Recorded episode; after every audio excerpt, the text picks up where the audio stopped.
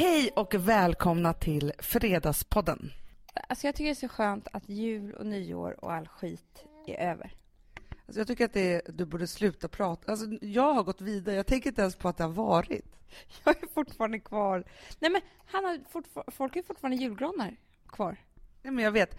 Alltså dagen efter julafton, då ville jag ju bara ta bort allt. Så då tog jag ju bort julgran och alltihopa. Så att nu när vi kom hem från Egypten, då var det inte ett spår av julen.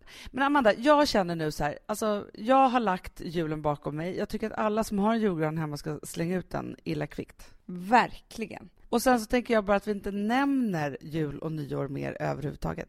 Nej, just nu känner man ju så här, kanske sticker bort nästa år. Ja, alltså jag vill åka, jag vill åka iväg 17 december och komma tillbaka 17 januari. Ja, eller mars. Han bara, nu får du lägga undan din mobiltelefon. Jag bara, nej men jag måste bara ta ett kort i Instagram typ. När man lever tillsammans här i Stockholm eller så att ses på lunch, man kan inte nämna ordet bajs. Det är ju, vore jättekonstigt. Jag grät hela filmen, från början till slut. Och det här är ju en romantisk komedi. Sen så kom jag hem till Alex och bara, de satt där med deras stora bröst. Jag har ju varit bortrest. Jag vet, det var tomt där hemma. Fast ganska skönt ändå. Jag kände så här, de bara, hur, hur är det att han är borta? Så jag så här, ganska skönt för då ringer hon inte, sa jag.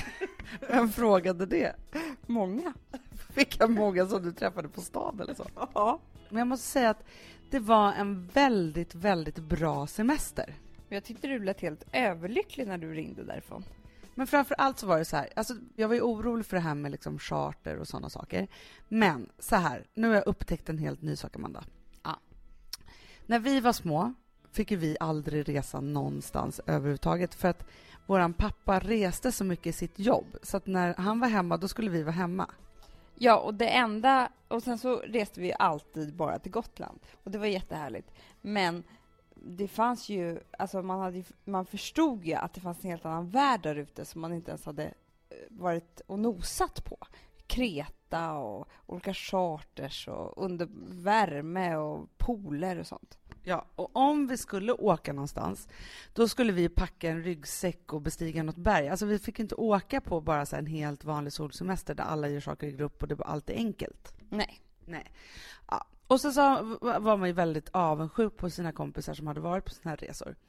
Nu när jag var då i Egypten, i Hurghada och bodde på så här Sunwing Waterworld Makade Beach hade det. Vi bodde ju alltså som i ett vattenland. Jag förstår. Men då i alla fall, det som hände i mig då, när jag såg då hur Vilma och Rosa var så fruktansvärt lyckliga och allt var så mysigt, så kände jag bara så här, det här är det finaste man kan ge sina barn. Såklart. Vi fick ju aldrig, aldrig göra något liknande. Men det var så fruktansvärt härligt att göra också någonting så att inte bara åka på semester, utan åka på en semester som är skräddarsydd för barnen. För att barnen ska ha det så mysigt som möjligt. Och då blir de vuxna glada också. Det är de och Lulu och Bernie. Ja. ja men alltså det, det, vi tittar ju på Lolo Bernie-sången, dansen på Youtube varje dag som vi kom hem. Såklart. Men förstår du liksom den här, alltså vad det ger en? Och då kände jag bara så här, det är på sådana semestrar man ska åka.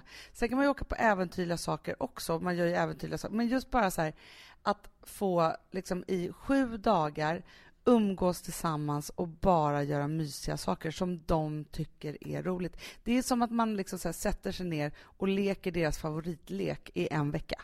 Ja, men det är så mysigt. Men det enda jag undrar över, som jag är lite orolig över när det kommer till just... För vi har varit på något sånt hotell också. Det är maten. Nej, men maten var förskräcklig. Det var det. Ja, men den smakade ingenting. Men framförallt Amanda, så har det ju varit så här, alltså, alltså jag var ju rädd själv över hur, vad vi skulle få för magåkommor i Egypten, för det är det enda man hör om Egypten, hur fruktansvärt sjuka folk har blivit. Och sen också, så fort jag har skrivit om det här i blogg eller på, på Twitter eller på Instagram eller så, så folk bara så här, du kommer bli magsjuk, akta det där, eller bara så här, ta det försiktigt, typ så. Ja, så vi tog det ju så fruktansvärt försiktigt. Alltså jag har ju aldrig spritat, mina barn har ju spritexem efter den här resan. Eh, och sen så också bestämde vi oss för att bara äta på hotellet, att eh, liksom inte köra några risky business när det gällde maten. Men vi gjorde nog ganska rätt. För en morgon när vi satt, vi, vi hittade så här ett jättemysigt frukostställe som var precis vid havet. Det var ju så här olika frukostbufféer. Men sen så helt plötsligt så hittade vi det här och så satt vi där. Sitter jag där med, med Rosa och Vilma De käkar några jättesmarriga pannkakor med chokladsås. Jag bara tänkte så här, de får äta vad de vill, bara de äter. Liksom, så. Bakom oss så sitter det en familj. Alltså det är en hel släkt som har åkt på en semester. Ja. Ja, så sitter de där eh, och det är liksom farmor och barnbarn och liksom alltihopa. Så bara hör jag så här. Alltså, hur är det med din mage?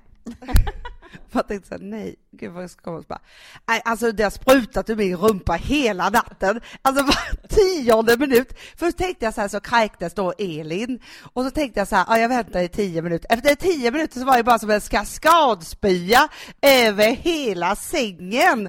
Och sen så kom det då Perra och då sprutade hans rumpa också.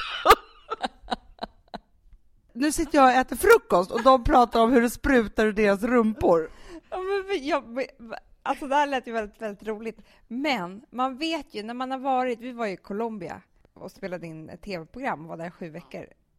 Och när man kommer så här nära varandra och man har mag och kommer, då blir det som att i, alltså, när man lever tillsammans här i Stockholm eller så att ses på lunch, man kan inte nämna ordet bajs, det är ju, vore jättekonstigt. Då pratar man om det som om det vore ens bästa vän. Nej men alltså här, de pratar om det typ som så här, vilka solstolar ska vi ha idag och vad kul det var igår på den här showen vi såg och så. Alltså de var helt galna den här. Och till slut då, alltså just eftersom jag satt där och åt frukost, så blev jag så irriterad så jag tänkte säga jag måste säga till dem. Nej, gjorde du det? Ja, då sa jag så här, jag bara, ursäkta mig, vi äter frukost här. Sa du det? Ja, då lugnade de sig lite och bara, mm, så här. ja men för jag kände bara så här, här sitter vi och äter frukost, jag kan inte, alltså jag såg ju bara hur de här människorna hur det sprutade i deras rumpor, liksom. så jag kunde inte äta någonting. Så då sa jag till dem, tills det kommer en ny släkting.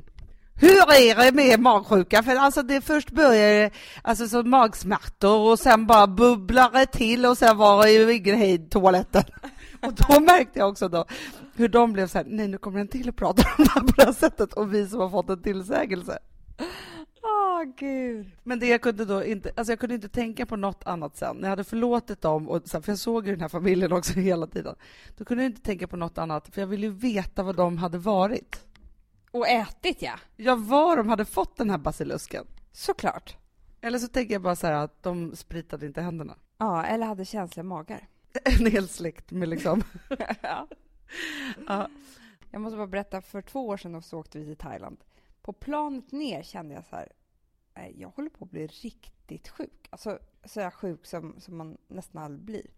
Fick världens värsta influensa som jag någonsin har haft. Vi var där nere en vecka. Jag var fortfarande sjuk på planet hem och då hade jag också Charlie blivit sjuk. Jag gick inte ut för hotell. Alltså jag åkte till Thailand för att vara på ett hotellrum och vara sjuk. Men det är så tråkigt. Då känns det ju som att någon är riktigt elak mot den. Jag har fortfarande inte kommit över det. Alltså det var men jag grät. Ja, det var jätte, jättehemskt faktiskt.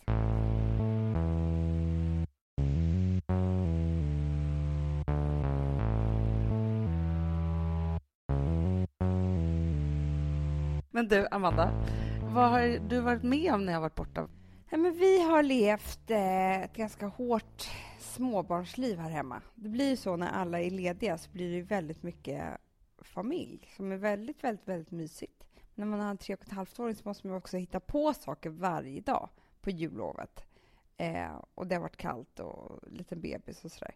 Så jag tycker att vi har, vi har liksom varit igång eh, väldigt mycket för att vara lediga. Du, jag fick ju också ett MMS av dig under den här semestern. På ett kort på en död råtta. Ja, jag ville att du skulle ha den. För jag var så sur på dig som låg i en solstol.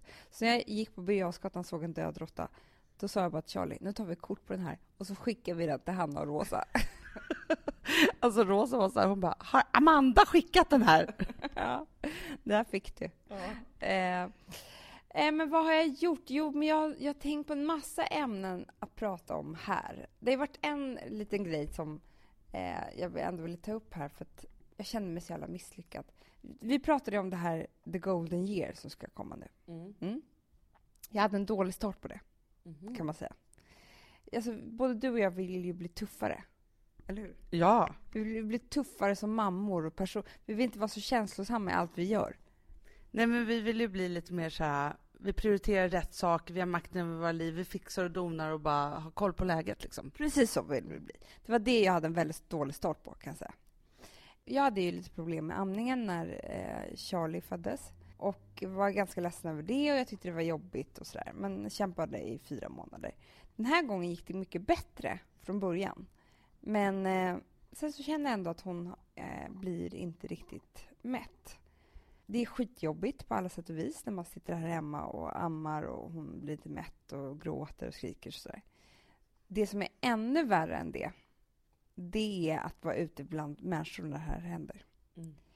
Och jag var på NK för några dagar sedan. Och då så gick jag upp till amningsrummet och skulle amma. Det finns ju alltså ett eget amningsrum på NK. Visst är det otroligt? Det är otroligt. Och där man kan byta blöjor och sitta mysigt och det är så lite speciell musik och lite dovt ljus och så. Ja, men det var ganska roligt för att där inne satt bara kvinnor och det, det är väldigt litet rum. Och en pappa som stod och bytte blöja som jag, jag tyckte han stod och sneglade på tuttarna. men det är nästan så att det, ja gud.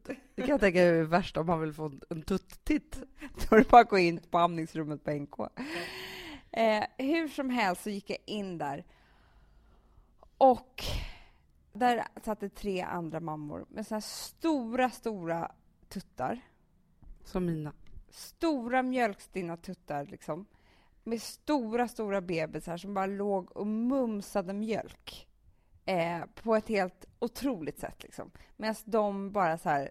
De bara satt och blickade ut och jag bara hörde stora bebisar som bara ligger och klunkar. Och så skulle jag ge mig in där med min bebis och dra fram min lilla tutte och hon ville inte ha den och bara skrek och skrek och skrek och var så hungrig och hit och dit. Jag, jag gick ut därifrån och grät. Mm. Vadå, för att du kände dig värdelös då bland de, de stor, mjölkstinna stora tuttarna, eller? Ja, men det går inte att förklara. Alltså, det ligger så nära så jag kan börja gråta nu också, men det är en känsla av att man inte kan ge sitt barn... Man känner sig som en värdelös mamma. Det är faktiskt det som händer. Och det är skitjobbigt, för det, det är någonting som är så naturligt för alla andra som bara... Och man skäms. Det är det som är så hemskt. Jag skämdes. Jag bara kände hur de här mammorna tittade på mig. Och de tittade inte på mig... Eh, alltså, det var inget fel. De, gjorde, de gjorde inget dumt. Men de eh, märkte ju vad som hände här och liksom titta. Nej, jag, jag, det var så att jag, jag hade så mycket ytterkläder och väskor och till slut bara tog jag på mig allting och, och tog lilla Frans och bara gick ut därifrån.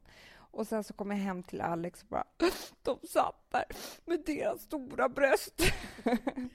Men du tror, för, för grejen är att jag kan ju förstå det här med amningen, alltså man känner sig liksom värdelös. Men jag, men jag vill bara säga det, för jag har ju alltid haft så här jättestora mjölkfyllda mm. rattar och bebisar som bara har klunkat och klunkat och klunkat. Men då vill jag bara säga en sak, att jag tror att så här, precis när man har en bebis som är från noll år till typ tre, fyra månader så känner man ju inte den här personen. För Jag har också varit med mm. om situationer som har varit liknande när jag har känt mig helt maktlös, svettig och kommit hem gråtandes för att jag inte haft kontroll över situationen och bebis bara gråter och det känns som att den ska dö och man gör allting fel och man bara är världens dåligaste mamma. Trots detta. Så jag tänker bara att jag skulle vilja ge dig det att inte blanda ihop det med din amning. Utan att man känner så ibland ändå.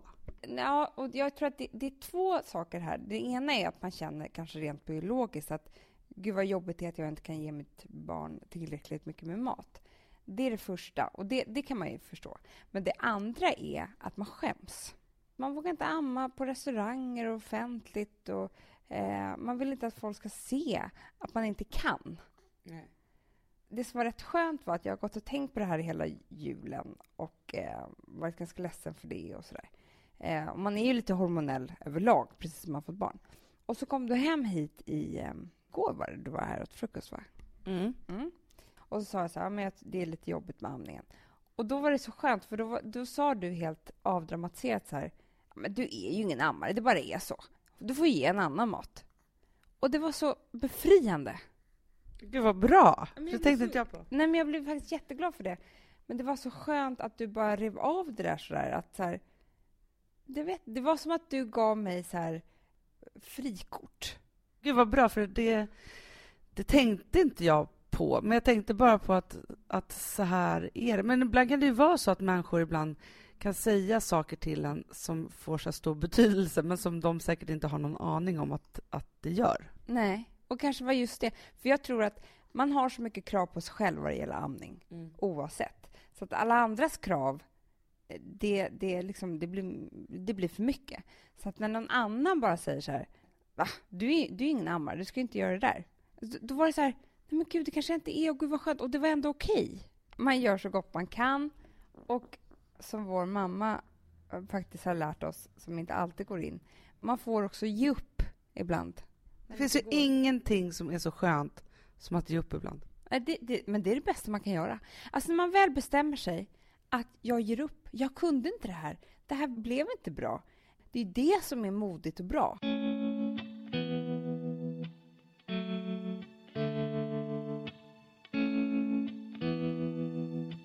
Amanda, vi är sponsrade av Sambla. Ja, och det tycker jag är så bra. För att just också i dessa tider, Hanna, men Mm. oavsett, så är det ju jätte, jättesvårt det här med lån och långivare och vad man ska ha, liksom vad man ska kräva och vad som är bra och dåligt och alltihopa. Och då, men Sambla, Hanna, de kan allt. Ja, Alltså, Alltså, allt om det här. Sambla är en personlig jämförelsetjänst för lån och de alltså, jämför upp till 40 långivare, vilket hade tagit otroligt lång tid och jättemycket energi om man skulle göra det här själv. Mm. Och De hjälper ju dig som kund liksom, att jämföra dina långivare. Ja, men det är precis det de gör. Och de erbjuder personlig hjälp med låneansökan. Det tycker jag också väldigt men, mycket om. det är så bra. Eh, så att oavsett om du behöver hjälp en kort stund eller om du vill ha en guidning genom hela låneprocessen så kan du vända dig till Sambla. Och du vet, Sambla är alltså branschens, har ju branschens nyaste kunder. Fem stjärnor och 24 000 omdömen på Trustpilot. Då har man gjort ett bra jobb kan man säga. Mm. Så är det. Hörrni, in på sambla.se och ansök. Vi har ett betalt samarbete med Syn nikotinpåsar. Det här meddelandet riktar sig till dig som är över 25 år och redan använder nikotinprodukter. Syn innehåller nikotin som är ett mycket beroendeframkallande ämne och Syn kommer i olika smaker, styrkor och format. Nu lanserar Syn en helt ny smak inom mint. Syn Slim Cool Frost, som har en tydlig smak av kylande pepparmint och mentol. En långsmal helvit prilla. Och enligt 90 procent av 366 vuxna konsumenter så har den en långvarig smak. Läs mer på niko.com och klicka in på Syn. Och glöm inte att slänga din tomma dosa i plaståtervinningen.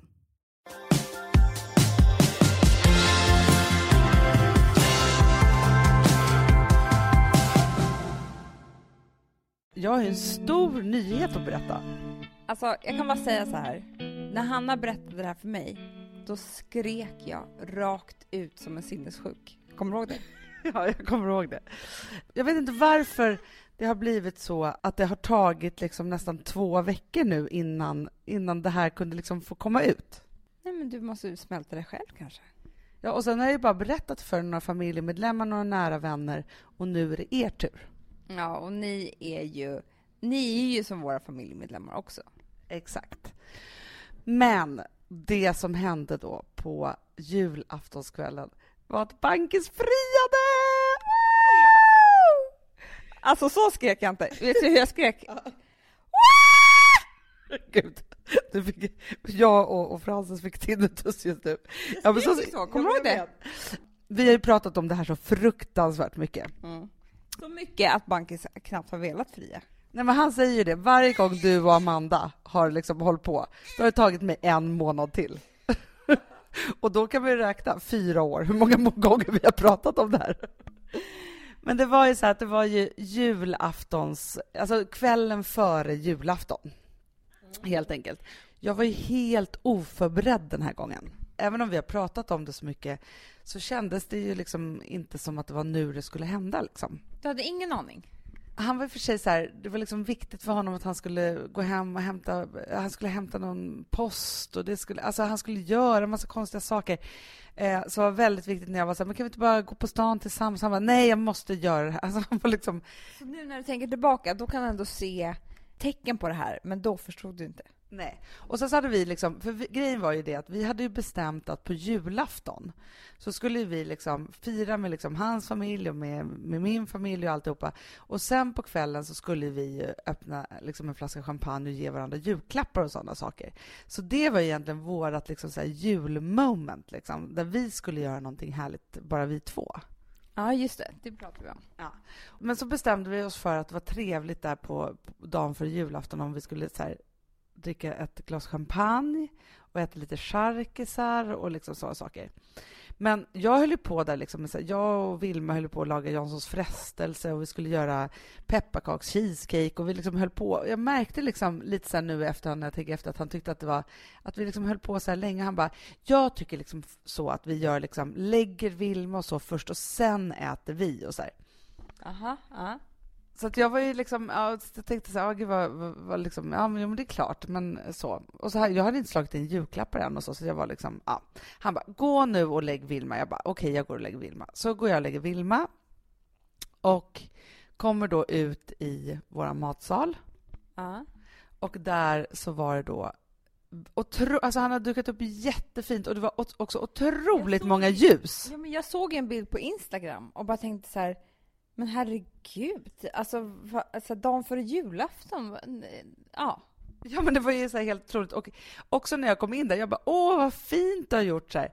Eh, han bara, nu får du lägga undan din mobiltelefon. Jag bara, nej men jag måste bara ta ett kort till Instagram, typ alltså så här, verkligen. Jag bara, nu blir det lite vuxenmys. Och tänkte så här, gud, han har verkligen tagit varenda ljus vi har i hela lägenheten och tänt. Men jag tänkte så här, men nu ska jag bara embrace this. Alltså tycka att det är liksom är mysigt. Men jag tyckte att det var lite märkligt. Ja. Och så var jag också jättehungrig. Alltså vi sätter oss ner då vid bordet. Eh, han har liksom då sagt att jag var tvungen att lägga min mobiltelefon utanför för att jag inte skulle hålla på då med sociala medier. Eh, och så satte vi oss ner där. Och sen så bad han mig liksom så här, gå och hämta vatten och kryddor. Alltså det var olika saker. Jag bara tänkte så här, herregud vad jag ska hålla på och springa här. Men allt var ju för att han liksom inte tyckte att han hade fått upp ringen rätt. Det var liksom så. Men så ställer han sig upp och så säger han så här nu tänkte jag att vi ikväll skulle hålla lite jultal. Jag bara, aha. Och han är i och för sig en, han älskar ju att hålla tal, så det är liksom inte, ligger inte utanför hans natur. Då så, fattar du fortfarande inte? Nej, men då tänkte jag så här, nu håller vi lite tal. Han bara, och så gick han liksom runt och så han bara, ja, och så sa han lite, alltså han var inte så, för hade han bara ställt upp och hållit ett vanligt tal, så här som han kan göra, då hade han varit mycket säkrare. Här var det liksom så lite fumligt. Och sen så går han runt och säger massa saker och så gick han liksom ner på knä. Och då sa jag så här, jag bara, fast nu skojar du med mig. Nej, sa du så? Ja, men jag trodde att det var ett alltså som att liksom vi hade pratat så mycket om det. Men då såg jag ringen. För den liksom, han tog upp den på en gång. Så. Exakt så gjorde Alex också. Så att jag liksom inte skulle missförstå det här. Ja, men så sa han så här, någonting i den här stilen. Ja, men han sa, först så sa han lite konstiga saker så som han försökt få ihop med julen och, och det var det var. Men sen sa han så han bara, ja, du har ju redan gjort mig till världens lyckligaste människa genom att gett mig Vilma. Oh. Men om du vill göra mig lika lycklig för resten av mitt liv så undrar jag om du vill gifta dig med mig. och då, alltså, och grejen är att alltså, jag känner mig själv, nu blir jag tårögd när jag, när jag tänker på det, eller när jag berättar om det. Men det som har hänt, ofta händer mig, både så här när jag har fött barn och sådana här saker, så skrattar jag ju alltid väldigt mycket.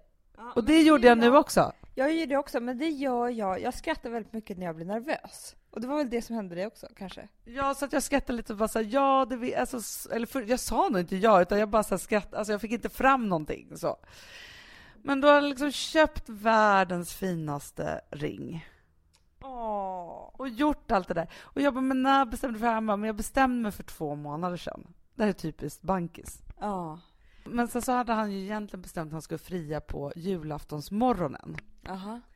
Men han mådde så dåligt hela dagen innan, för det blev så nervös. För han hade tänkt att han skulle liksom bli nervös. Jag också att det var ändå fint att ni fick vara ensamma faktiskt utan barnen i den här lilla stunden. Ja, och det som faktiskt känns oerhört härligt det är ju att vi har den här stunden kvällen före julafton för resten av våra liv. Då vi kan ta ett glas champagne och tänka tillbaka. Det är så mysigt. Nej, men alltså jag är... Undrar om jag är lika glad som du. jag tror det. Alltså vet du vad jag tycker det känns härligt? om vi ska prata om sådana tråkiga saker, så sist jag var med om det här, då grät ju du på ett helt sjukt sätt. Ja, men det var ju obehagligt gråt. Ja, och nu är du lika glad för det, så nu känns det ändå som att det är rätt. Ja, precis. Vi kan ju berätta också då att vi, vi berättade ju inte för någon på kvällen, utan vi bara själva firade detta och var så här, alltså, och, och också efter han hade liksom friat så, då drack vi liksom hetsdrack champagne typ och, och skrattade och grät och det blev ganska allvarligt. Det var liksom, alltså vi är ändå det är ändå fyra år sedan vi träffades och vi har gjort massa stora saker tillsammans, fått barn och alltihopa så här. Men vi blev lite allvarliga i det här, i att vi skulle liksom bli man och hustru och ja, men liksom all, allt det här. Men sen så väntade vi ju med att berätta förrän vi träffade våra familjer då på självaste julafton. Ja, det var ju då jag fick skriket. Exakt. Och då poppade vi upp en champagne här. Ja, då blev det fining. Det var en jättehärlig stund tycker jag. Liksom för att det, det var så här julafton och och allt vad det nu är. Och så bara kom det här och störde så helt perfekt i det här, så vi bara fick fokus på det här istället en stund. Jag tycker det var väldigt, väldigt härligt. Men jag måste bara säga det att alltså, nu är inte det här med bröllop och frieri, det är inte hela världen och det är inte det som egentligen betyder så mycket i livet egentligen. Men jag upplever ofta, för det upplevde jag med mig själv också, att det betyder mer än vad man tror. För när jag tittar på dig och Bankis idag han går runt och är stolt på ett vis som jag inte har sett honom på förut, på fyra år. Jag ser, jag ser jättemycket så här glädje i honom. Jag såg det här på julafton. Och, alltså det är verkligen mysigt. Plus att jag känner också att, gud, att vi ska bli släkt på riktigt. Alltså det är så här, det är någon annan som... Alltså, allt det här har man känt själv innan också. Men nu är det så här på riktigt, på riktigt, på riktigt. Jag tycker det känns så mysigt. Och jag tycker du känns så glad. och Alltså det, det är faktiskt en massa glädje som tillkommer med det här. Jo, men du har helt rätt i det. För det pratade vi om just där, liksom, att vi, vi kommer gifta oss ganska snabbt. Mm. Men det var ju roligt när jag sa så här, eh, precis när jag hade berättat om och du hade skrikit och allt och så, så här, jag bara, men vi kommer gifta oss ganska snabbt. Du bara, nej, inte i Hurghada! Som att jag så här, vi drar till Egypten och bara river av det här. Det kunde ni ju gjort. Och då hade den där småländska familjen Ja, vi hade kunnat komma till bröllopet om vi inte hade sprutat i våra rumpor. Så hade det ju varit.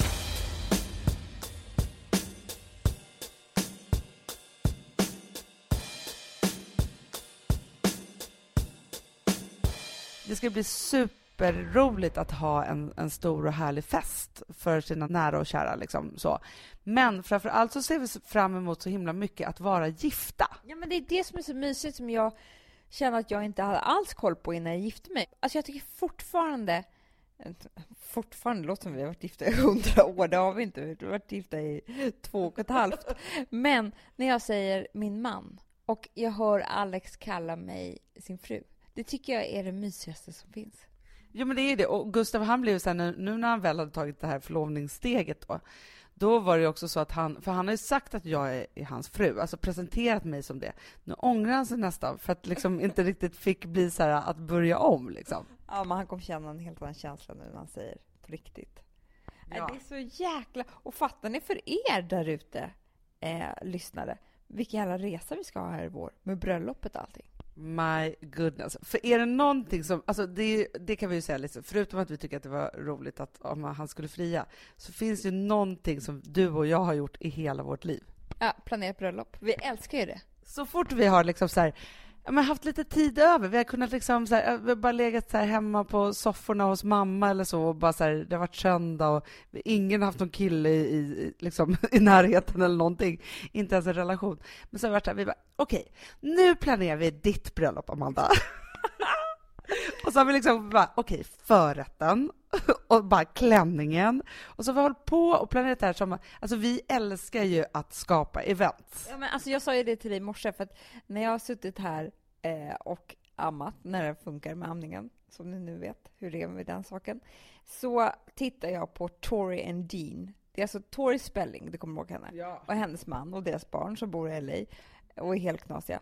De tar sig an olika par som ska gifta sig och så planerar de hela bröllopet. Och jag bara, Hanna, du och jag måste göra det här. Men det är så roligt, för det är ju verkligen den gången i, i livet, för visst man kan göra så stora fester och så, men det är den gången i livet som man verkligen gör en sån här konceptfest. Det är det att man liksom är så här, okej, okay, hur ska det vara, vad ska det vara för känsla, vad är liksom ja, det, alltihopa? Det, vi som älskar känslor Eh, det är ju på bröllop, så alltså kan man inte riktigt ha dem i födelsedagsfester och så, men på bröllop så kan man ju verkligen tänka ut hur gästerna kommer känna då och så. Man får ju spela på alla de här eh, känslorna. Och det är det som är så jäkla kul alltså. Sen har vi hållit på mycket också att hålla talen till varandra innan. Ja, det är då vi gråter så mycket. Då gråter vi så fruktansvärt mycket. Nej, men det ska bli en så fruktansvärt härlig och rolig vår och jag ser fram emot så otroligt mycket att, att göra det här. Det ska bli så kul. Och framför allt så måste jag faktiskt säga det att, att när Gustav nu friade och gjorde allt det här så är det så här, man har ju liksom, ja, men som vi har pratat om, bara så här, nu måste han fria hit och dit. Så här. Då är allt det där som bortblåst och så är man bara så himla, himla glad och lycklig över att det är så. Det är inte så mycket en bekräftelse för mig, men jag är ju en romantiker-junkie av rang. Så jag älskar ju när det är så stora gester och stora ord och det kan ju inte bli större än så. Nej, alltså jag önskar ju, jag vill att vi ska vara som Heidi och eh, Sil. Nu har för sig de gjort slut, men de hade ju en, ett bröllop varje år där de förnyade sina löften. Och eh, jag tycker att vi ska införa det. Kanske inte varje år, men var femte år eller sådär. Ja, men nu får vi liksom så här, alltså mamma säger ju det att hon, hon orkar inte med mer än ett bröllop och en bebis per år. Precis. Och nu har vi kört lite packat för att, alltså vi har kört, först kom Charlie och sen så gifte ni er året efter och sen året efter det då kom Loka och Vilma. Han gifte sig samma år vi fick Charlie också. Just det, ja men så att det har varit det. Och sen så Frances då det här året och så blir det nu bröllop nästa år. Och sen kan det komma nya bebisar och sen är vi redo för ett nytt bröllop. Det blir perfekt. Men det är det jag känner, du vet, alltså, så där måste man ju tänka ut ibland att det kan inte hända saker i ens egna liv eh, hela tiden. Däremot så vill man att det ska hända saker i de människornas liv som man bryr sig väldigt mycket om. För då är det som att man får vara med om det igen. Ja, men det är det som är så fruktansvärt härligt. Men vet du vad jag är så himla glad för? Det är att du inte är med barn nu när jag ska gifta mig. Nej, men du hade inte fått gifta dig då. Nej, men jag var med barn på ditt bröllop. ja, men jag vet. Och det är därför jag är så glad. För det är ju det tråk... Det är faktiskt så. Alltså, att vara med barn och må illa och vad man nu är, när, när, som tar så mycket fokus från en när man ska ha så kul på någons bröllop, det är inte bra. Nej, alltså det som faktiskt är ultimat också med att gå på bröllop, det är som en romantikboost i ens egen relation. För varje gång som, alltså Gustav och jag har ju varit på mycket bröllop sedan vi träffades. Och varje gång som man är på bröllop, då hamnar man ju i den här, om tänk om vi skulle gifta oss och då kanske skulle vara så här, så pratar man mycket om det, liksom, hur det skulle vara. Och så blir man lite extra kär och så blir man liksom så sammansvetsad under kvällen och så. I luften. Men jag måste bara säga eh, en sak där Hanna. En gång när min, eh, en av mina bästa kompisar gifte sig och det var ett fantastiskt bröllop, så var jag där med en annan kille som jag inte var gift med, det var inte Alex. Och då blev det precis tvärtom. För att hon var så nära mig så att jag upplevde det här bröllopet med henne eh, och kände verkligen så här, det här vill inte jag uppleva med honom. Usch, ja, så kan det bli. För det var ju det jag ville komma till. Jag tänkte så här, om man har gift sig, att det är som att man återupplever sitt eget bröllop lite igen. Ja, och om man inte känner att man inte vill det där och då, då är det nog fel på relationen. Usch, vad fruktansvärt. Men det kan jag verkligen tänka mig att det blir också som ett wake-up call. Det är lite som när jag såg filmen The Holiday. Ja, den älskar vi. Ja. Då var jag ju gift då. Och så såg jag den här. Jag grät hela filmen, från början till slut. Och det här är ju en romantisk komedi. Men jag bara tänkte så här, jag hamnade i det här, om det är aldrig någonsin mer en man som ska titta på mig som Jad Law tittar på Cameron Diaz, då vill jag inte vara med längre. Så då kände jag att nu är jag tvungen att göra slut för att skapa den förutsättningen.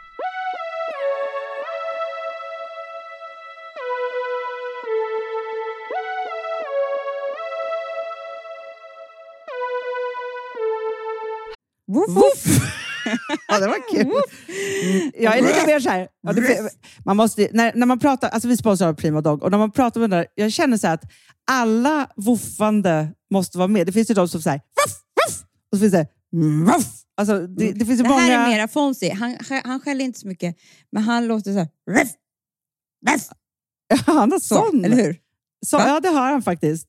Får jag, säga, jag skickade ett klipp till dig. Contemporary dance med hund. Du, det är så Fonzie dansar när han får prima dogmat. För att, Ja. Vet du varför? Den är så snäll mot magen. Han får en helt bekymmersfri vardag. För du vet magen, Den måste man ta hand om.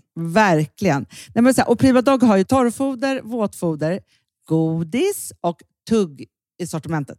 Alltså tugg är oh. som de skulle hålla på att tugga på. Det är, faktiskt, det är Fonzys favorit faktiskt. Tugget? Ja, men han har ju också börjat älska våtfoder. Mm -hmm. Det skulle jag också kanske tycka var go Ja, men jag, jag förstår honom faktiskt. Men det är alltså vetefria produkter med mycket kött och det är det som jag tror är så bra. Produkterna finns ju online, i välsorterade djuraffärer och i dagligvaruhandeln. Alltså jag skulle vilja att du och Fonzie lär er contemporary dans. Det var ju som agility fast med dans. Mm, ja, ja, vi ska ah. göra det. Jag tror att Prima Dog kommer vilja ha oss som ansiktet utåt. Ja, men det är det jag känner. Ni dansar mm. er fram till... Alltså för deras, jag älskar ju deras eh, liksom, tagline och det är Taste of Nordic Happiness. Och liksom, ja. Då måste dansen vara med. Ni kan gå in och läsa mer på primadag.se och snart se mig och Fonzie i en dans på en skärm nära er. Underbart! Du Amanda, ja. vi är sponsrade av All I Am. Det är det mysigaste. Alltså för det första, två produkter vill jag prata om. Mm. Det ena är blusher drops. Ja. Ser du på min kind? Jag ser. Det är någonting, det är alltså så här peachy, liksom, eh, kan man säga, färg. Men, och jag har ju alltid lite rouge innan, så jag har ju mm. romantic plum innan.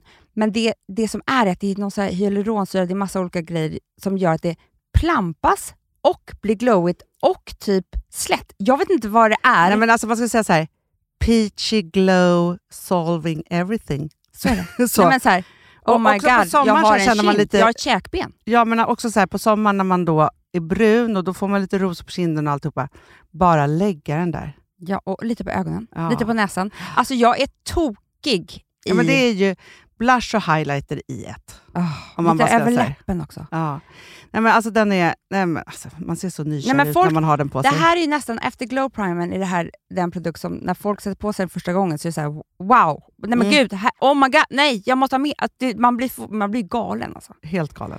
Du, sen är det ju så att man behöver ju också glow för kroppen. Och nu har ju liksom Ola Jäm och vi eh, tagit fram den ultimata glowing oilen. Alltså nej, men, nej men snälla, dels så doftar den så gott. Mm. Den är eh, massa fukt i, men den kladdar inte. För det är det med olja annars, det är så här, hur ska jag kunna sätta på kläder mm. efteråt? Eh, och så är det ett litet, litet, litet skimmer som nu alla ben och armar och dekolletage behöver, för vi, inte, vi har inte den här sommarbrännan än. Men även när man har brännan behöver man ju det. Men alltså, nu känns det så tryggt. Ja, men när man har sommarbrännan, då blir det så snyggt så att det inte är klokt. Och till man har sommarbrännan, då kan man liksom fuska sig snygg. Verkligen så. Och när ni ändå, för nu har ni en kod och det är Fredagspodden 20 som ger 20% på ett helt köp på H&M. Och då skulle jag säga en grej till. Ta hem också dagkrämen med SPF 30. Mm. Finns ingen bättre dagkräm och ni måste ha SPF nu.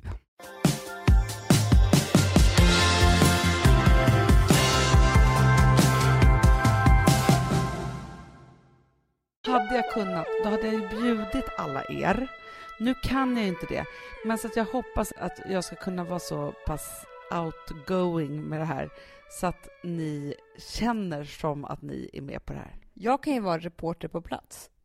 Du kan hela tiden, du är bröllopsreporter här. Nej men däremot så tycker jag att det måste vi ha, en bröllopspodd efter bröllopet och berätta om bröllopet. Ja, men jag känner nästan att vi får dela upp det här i flera delar. Nu så vet jag inte riktigt så mycket om bröllopet, men när vi börjar närma oss vad vi har, då måste vi ha så här inför bröllopet-podden. Det är specialare hela tiden. och sen så efter bröllopet-podden. Ja, precis. Nej, men det är mycket. Och sen så kanske vi gör live-podd under vigseln. Nej, det kanske ska hoppa Jag måste bara höja en, eh, ett varningens finger. Men, och det tycker jag faktiskt var rart av Bankis. Jag manglar ju ut honom här i podden så mycket jag bara kan på, på ett sätt. Och han tillåter det väldigt frikostigt med att, att jag gör det. Men han sa också så han bara, men Hanna, det enda som jag är orolig för med det här bröllopet, det är ju att det här blir ditt och Amandas bröllop och inte vårt bröllop. Det ska det vara. Men så att jag säger det att det är ju mitt och Bankis bröllop. Men så sa jag det, jag bara, men Amanda ja, vi kommer ju bara prata klänningar och så här, och det är inte du så intresserad av. Och då höll han med om det. Ja, precis. Nej, men alltså vad då? Jag är bara med som en stöttepelare till dig. Exakt. Du är ju som min bröllopscoach. Ja, han får sin eh, bröll eh, bröllopscoach på sin sida. Ja, men så kommer det ju bli. Eh, nej, men det ska bli fruktansvärt kul och jag känner mig verkligen som en ny människa. Med diamantring och allt. Du ser ut som en ny människa. I'm engaged to be married. Det passar väldigt bra på the golden year tycker jag, med ett bröllop. Underbart! Så nu vet ni, här har jag gått och sugit på den här karamellen. Jag tror att det var bra för mig att åka bort, för annars hade jag bara velat... Alltså för när jag, när, när jag kom in här på julafton, då kunde jag inte hålla mig mer än tre minuter. Nej. bara, vi berättar det direkt, sa du bara. Och så visade du upp ringen och det var då jag skrek. Lyckoskriket. Verkligen.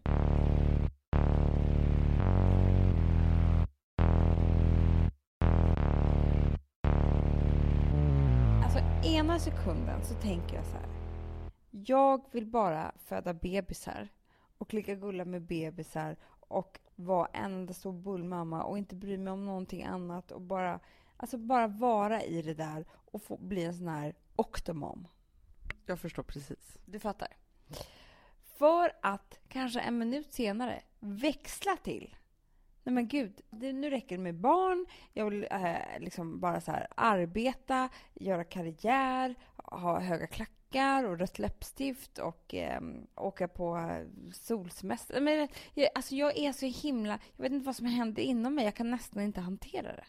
Det här är två fantastiska världar, men som också är liksom två motpoler för att de inte passar ihop. De passar inte alls ihop. Och det har jag verkligen... Med ett barn så är det på ett sätt. Med två barn är det eh, barnfamilj faktiskt. Och det, det som jag har känt nu här är så här, nej men det är inte så lätt att pussla ihop två karriärer med barn. Och, alltså det börjar bli lite allvarligt i allt det här. Ja, men det blir det på en gång så fort man har liksom flera barn. Men och vet du också, nu är ju Charlie och Frances ganska små, men när man också får äldre barn så är det ju väldigt mycket fler viljor som också ska in i det där. Ja, och det är därför som jag, om vi kommer tillbaka till din semester, som du sa, det var min bästa semester för att barnen var så glada. Eh, och det är också för att Rosa är, är faktiskt så pass gammal så hon har egna viljor. Alltså, man kan inte bara ta med sina bebisar någonstans längre. Nej, nej, men det funkar ju inte så. Vi har ju ändå liksom så här försökt jättemycket att anpassa vårt arbete efter att vi ska kunna vara småbarnsmammor. Ja, men det tror jag är nyckeln till allt. Och det är inte så lätt för alla. Det är inte lätt för oss heller. Jag tror att det är många som tror att vi lever något slags lyxliv och, och så här, bara gör lite olika saker. Men vi kämpar skithårt och det är jättesvårt att få ihop allting med barn. Och man har ett stort ansvar att man måste göra massa saker hela tiden. Men jag tror att just nu där jag är, för först föder man barnet och så är man bara, bara bebisen. Sen så går man mot det här mot fyra månaders och då är det någon liten, liten, liten sträng som kopplas av. Alltså, de kan börja äta egen mat och de kan liksom så här, Det är någonting som händer där som alla säger, det är någon magisk gräns. Och då kommer den här andra världen och knackar på dörren och säger så här, hallå, har du glömt bort? Du vet att du kan vara vanlig Amanda också och eh, liksom prata om andra saker, ha roligt och upptäcka världen på nytt. Och, alltså det, det bara så, så mycket där ute som väntar som man helt plötsligt, som man faktiskt har förträngt att det finns. Och då blir det en jävla krock. Förstår du? Ja, och det, framförallt så blir det en kamp inom en vem som, ska få, vem som ska vinna och vem som ska få mest tid. Så, precis så är det. Som om det vore två olika personligheter som bara slåss. Men det blir ju också väldigt starkt just när man har en bebis som inte liksom kan gå och prata och liksom vara och liksom så. När man har en sån här liten bebis. För då så är det ju också, är man ju så himla bunden till den hela tiden, så då blir det ju en kamp. Men sen så händer ju någonting vid ett år, men framför allt vid två år. Vilma har ju precis fyllt två år. Och nu så känner jag ju så här, alltså hon är en stor tjej. Ja. Även om hon är liten. Men alltså du förstår vad jag ja, menar. Hon är, hon är en tjej, hon är inte en bebis längre. Nej. Och då får man ju både så här... Eh, nummer ett så kommer det tillbaka så här, gud jag kanske ska ha en bebis till, för att man liksom helt plötsligt är redo för det. Mm. Och nummer två, att, alltså så här, det pratar man ju jättemycket om, det här liksom, tvåårskrisen. Jag tror att det är ultimat just att jag och Gustav kör liksom, vår relation 2.0 och gifter oss här vid två år. För annars så kan det också hända andra saker som kanske inte är så kul för relationen. Nej, det tar slut. För att man just är inte så bunden till sitt barn längre. Och man känner också så här, nej men den ska kunna klara varannan vecka. Och det är liksom, alltså, så. Ser, det ser jag eh, på Instagram ofta. Mammorna som börjar så här, ha barn som kommer upp i, i, några år, två år. Och helt plötsligt bara, nej men gud, nu är det min tur. Nu pappa får du vara hemma lite grann. Jag ska gå ut på krogen, jag ska eh, klä mig snyggt och jag har inte samma ansvar längre och jag ska göra allt det här. Alltså, nu blir det väldigt ytligt, men det är bara för att jag säger att jag ser det på Instagram. Ja, men det är ju en typisk sån. För att men det är så här, man får liksom hela livet tillbaka. Men jag brukar säga det att så här, första året så är man bebisens, andra året behöver man själv för att repa sig och så att på tvåårsdagen när bebisen fyller två år, då är man liksom tippetoppen igen. För antingen ska få nya barn eller bara för att ta tillbaka sitt egna, egna liv. Mm. Nej, men det, jag tror att det är liksom inget problem att lösa här, utan det är mer bara så här att eh, låta kampen hålla på. För den, den finns ju där. Sen finns det också något väldigt nyttigt och det är ju att kanske gå ut en kväll för då inser man ju att det här är ingenting som man orkar eller vill hålla på med speciellt ofta. Man Nej. bara tror ju det. Jag har ju så här hela tiden en bild av att, att jag ska festa så mycket och dricka så mycket. Så här. Jag är ju nästan nykterist. ja, det är ju inte jag. Jag dricker vin här hemma. Men det jag gör, det, eller när vi var ute på den här perfekta julmiddagen, då i en kvart, vet, så här, när man har druckit två glas vin, tänker man ju så här, men herregud, jag lämnar allt. Det är här jag vill sitta. Jag vill bara sitta här och, och vara liksom eh, den här sköna tjejen. För att sen den där kvarten har gått över och man börjar tycka, ja men det var ju trevligt, men nej, men nu vill jag hem.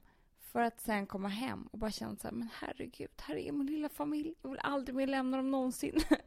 Nej, men så att det är därför så nyttigt att sticka iväg på här små utflykter ibland för att verkligen känna att det är inte så viktigt. För att i ens hjärna kan man ju göra saker och ting så otroligt mycket större än vad de egentligen är. Ska inte det vara en del av vårt the golden year? En kväll i veckan, en helg i månaden, en vecka om året. Absolut, utan barn alltså. Utan barn. Och då betyder inte det att man måste göra det tillsammans med sin partner, men att man ska vara utan barn. Jag tänker göra allt själv. Skojar bara. Amanda, apropå det. Det är fredag och vi ska ju gå på stor galafest ikväll. Ja. Elgalan är ikväll och vi ska vara så flotta och tjusiga så att det finns ingen hejd. Det kan man inte tro nu när man ser mina mjukisar. Jag ska ju vara Mad Men.